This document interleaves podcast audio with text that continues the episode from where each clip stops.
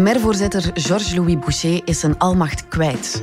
Voortaan moet hij zich laten omringen door tien wijzen uit de partij. Is het straks definitief gedaan met hem? En blijft de chaos binnen de MR niet zonder gevolgen voor de nieuwe Vivaldi-regering? Het is woensdag 7 oktober. Ik ben Lise Bonduel en dit is de podcast van de Standaard.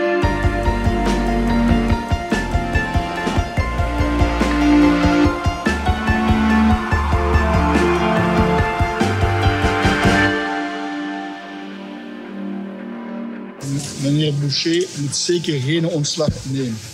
Hij blijft voorzitter van onze beweging, van onze partij. Maar met het impaire voorzitter is het gedaan voor een nieuwe voorzitter die een laatste kans heeft als voorzitter. Dat wil zeggen, met al de leden, met al de vrouwen en de mannen die in een partij tellen en die die, die groeperingen de sterke geven. Dat is voor de toekomst de directie van onze beweging, van onze partij. Je hoorde een van de zwaargewichten binnen de MR, Jean-Luc Krukke, gisteren na het partijbureau. Boucher krijgt nog een laatste kans. Hij krijgt tien mensen rond zich om hem wat in bedwang te houden. Peter de Lopel van onze politieke redactie. Kan zoiets werken? We gaan nu naar een G11 bij de MR. Dus uh, die tien mensen die uh, rond Boucher gezet worden. En Boucher zelf dan uh, natuurlijk nog. Kan dat werken?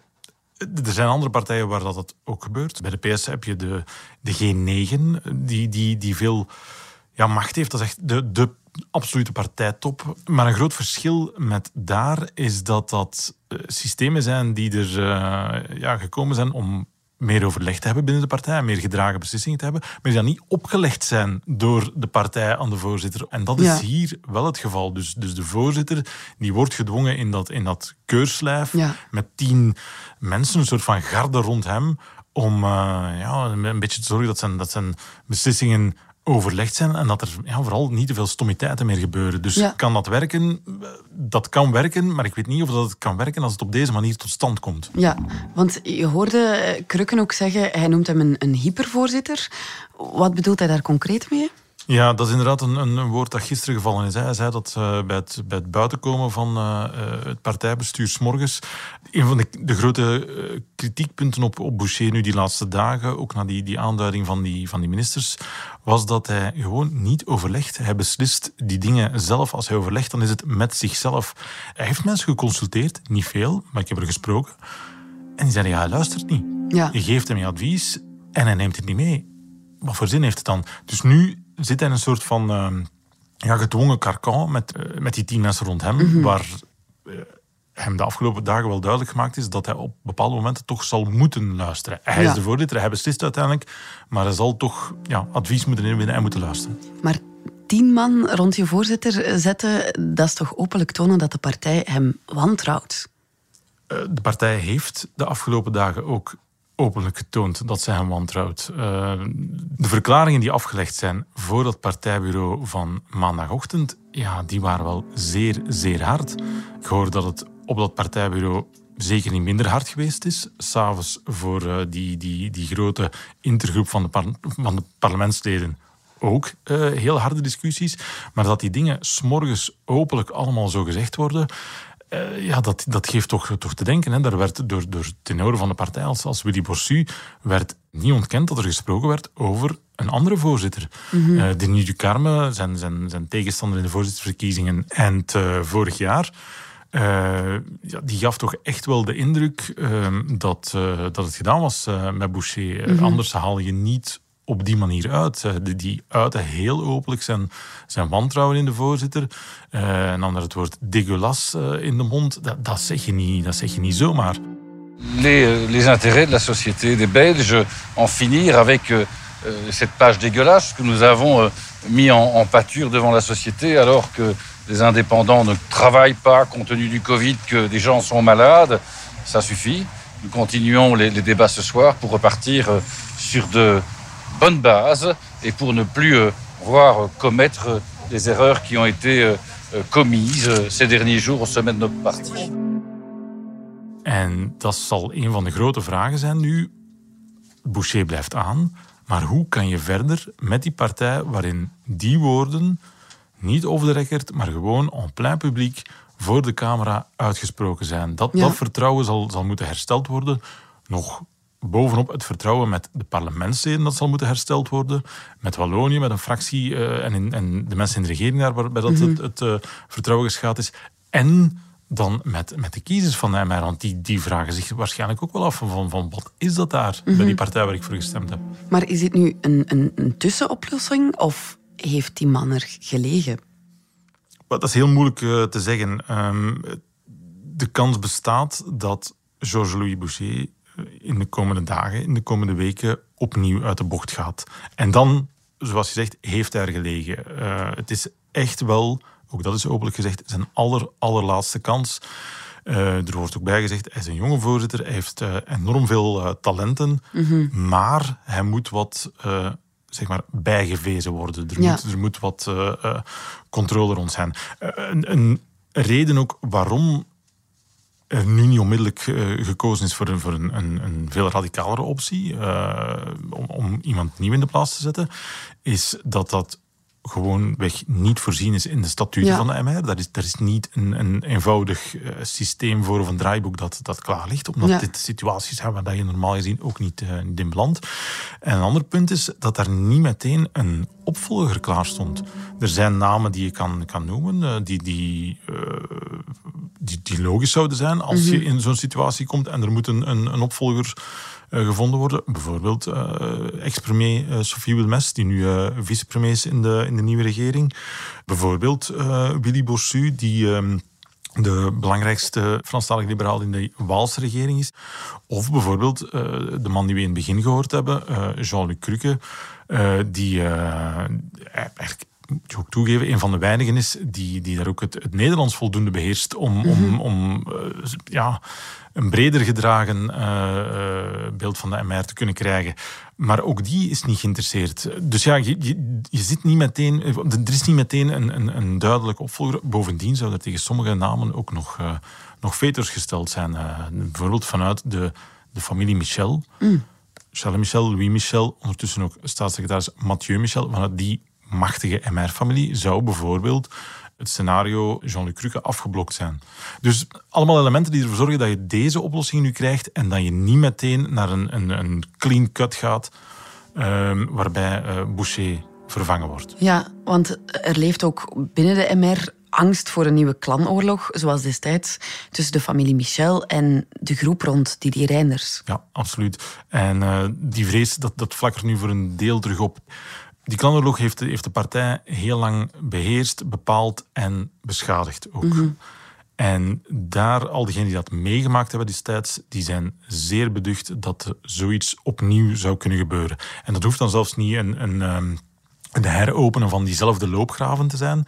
Maar uh, stel je voor dat je Georges-Louis Boucher toch aan de kant schuift uh, niks garandeert dat die man niet zijn eigen politieke beweging dan gaat opstarten. Of dat hij niet zelf terug kandidaat is uh, om, om, om zichzelf dan op te volgen. Mm je zou sowieso in een, in een wekenlange ruzie terug terechtkomen. Want dat hebben we ook gezien bij de voorzitterverkiezingen.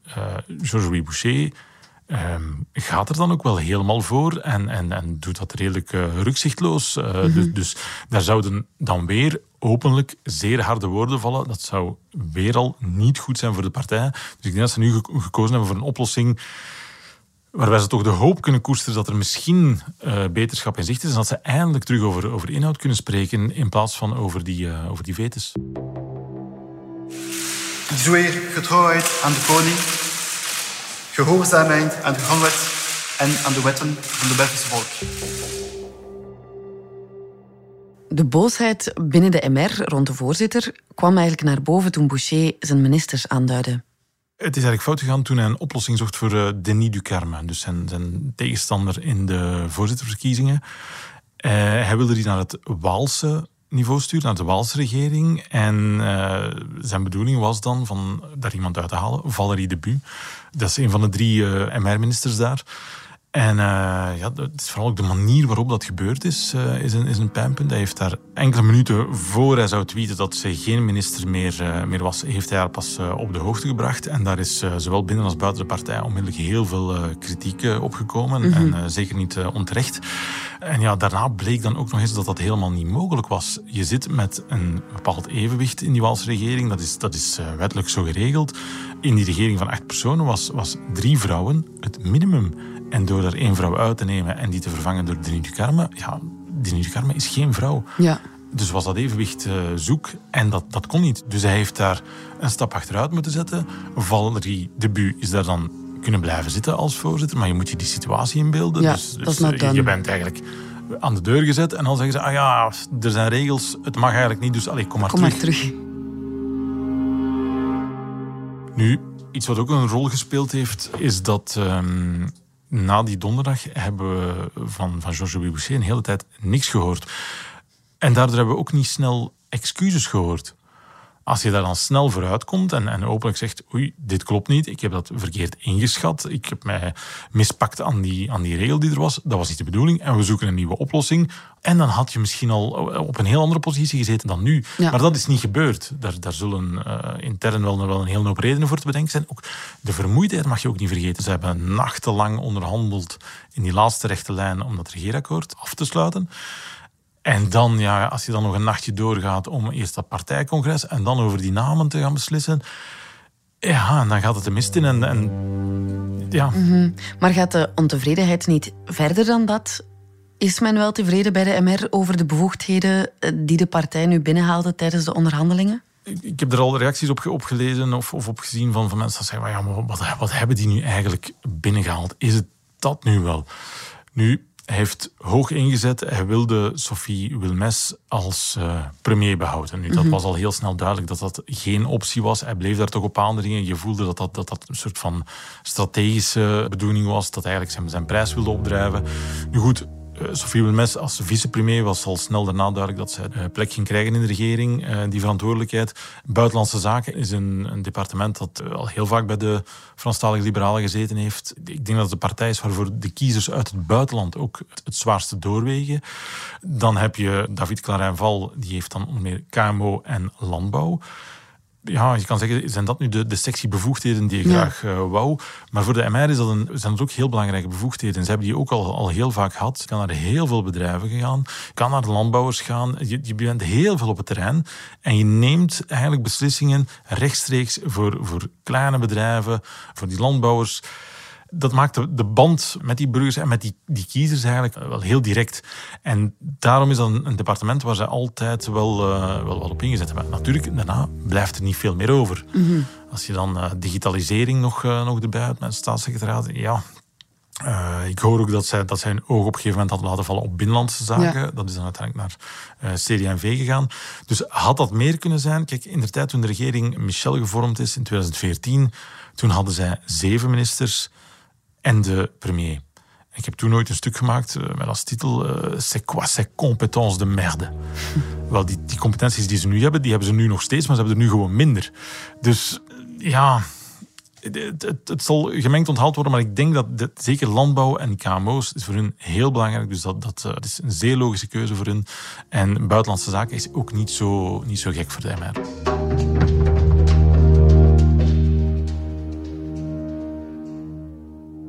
En is de MR blij met de inhoud van het regeerakkoord zelf? Wel, ik uh, denk dat dat uh, wel meevalt op het eerste zicht, maar tegelijkertijd, uh, net door de stijl van Boucher, vrees ik een beetje voor die partij dat ze toch nog wel voor een aantal verrassingen gaan komen te staan de komende weken, maanden. Er is dat, dat ene fameuze zinnetje in het regeerakkoord waar Boucher heel hard op, op aangedrongen heeft, dat er geen nieuwe belastingen mogen komen. Mm -hmm. Nu, dat zinnetje, daar staat, dat is iets langer. Er staat, er komen geen nieuwe belastingen, comma, behalve in het kader van begrotingsbesprekingen. Dus er staat eigenlijk, we gaan dat niet doen, tenzij we het wel gaan doen. Ja. Nu, als dat het, uh, een van de belangrijkste dingen is die je in handen hebt, en dat is eigenlijk iets wat, wat, wat redelijk snel duidelijk is dat dat nogal doorzichtig is en, en, en niet veel voorstelt, dat is geen goede zaak. Dus ik denk dat ze hier en daar nog wel voor uh, verrassingen gaan komen te staan. Maar die inhoud, dat is iets waar zij... We zijn, we zijn bijna een week uh, na de eetaflegging van de, van de regering eigenlijk nog niet over, over kunnen spreken hebben. dat is nog helemaal niet, uh, niet aan bod gekomen. Terwijl andere partijen interviews gaven om, om uh, te tonen wat ze binnengehaald hadden en ja. om, nieuwe ministers in de bloemetjes te zetten, is het bij de MR alleen nog maar over die ruzie gegaan. Mm -hmm. En is er een gevaar dat die instabiliteit binnen de MR overslaat op de federale regering? In de zevende dag zei Open VLD-voorzitter Egbert Lachaert daarover al iets heel opvallend. Op dat moment, en zondag, uh, de discussie was nog volop aan de gang binnen de MR. En Lachart die toen al verstaan van, wij hebben een deal met die partij. Mm Ongeacht wie daar voorzitter van is. Dus daarin ja, merk je wel duidelijk, partijen die het regeerakkoord gesloten hebben, die willen verder met die Vivaldi-coalitie. En als daar nu een andere voorzitter komt dan Georges-Louis Boucher, dan zullen ze het daar ook wel mee doen. Ja.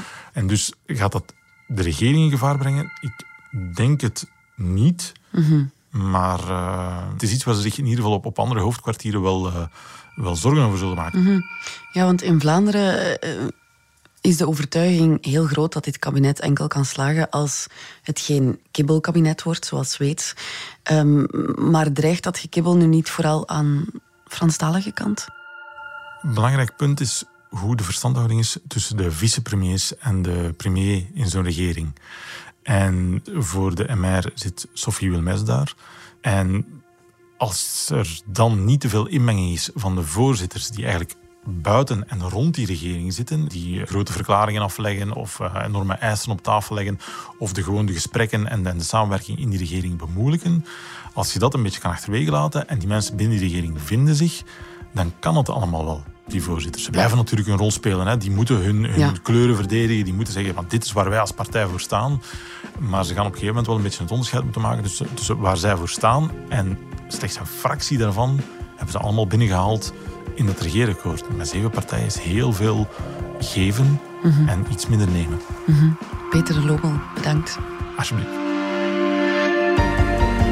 Dit was de podcast van De Standaard. Bedankt voor het luisteren. Alle credits vind je op standaard.be-podcast. Morgen zijn we er opnieuw.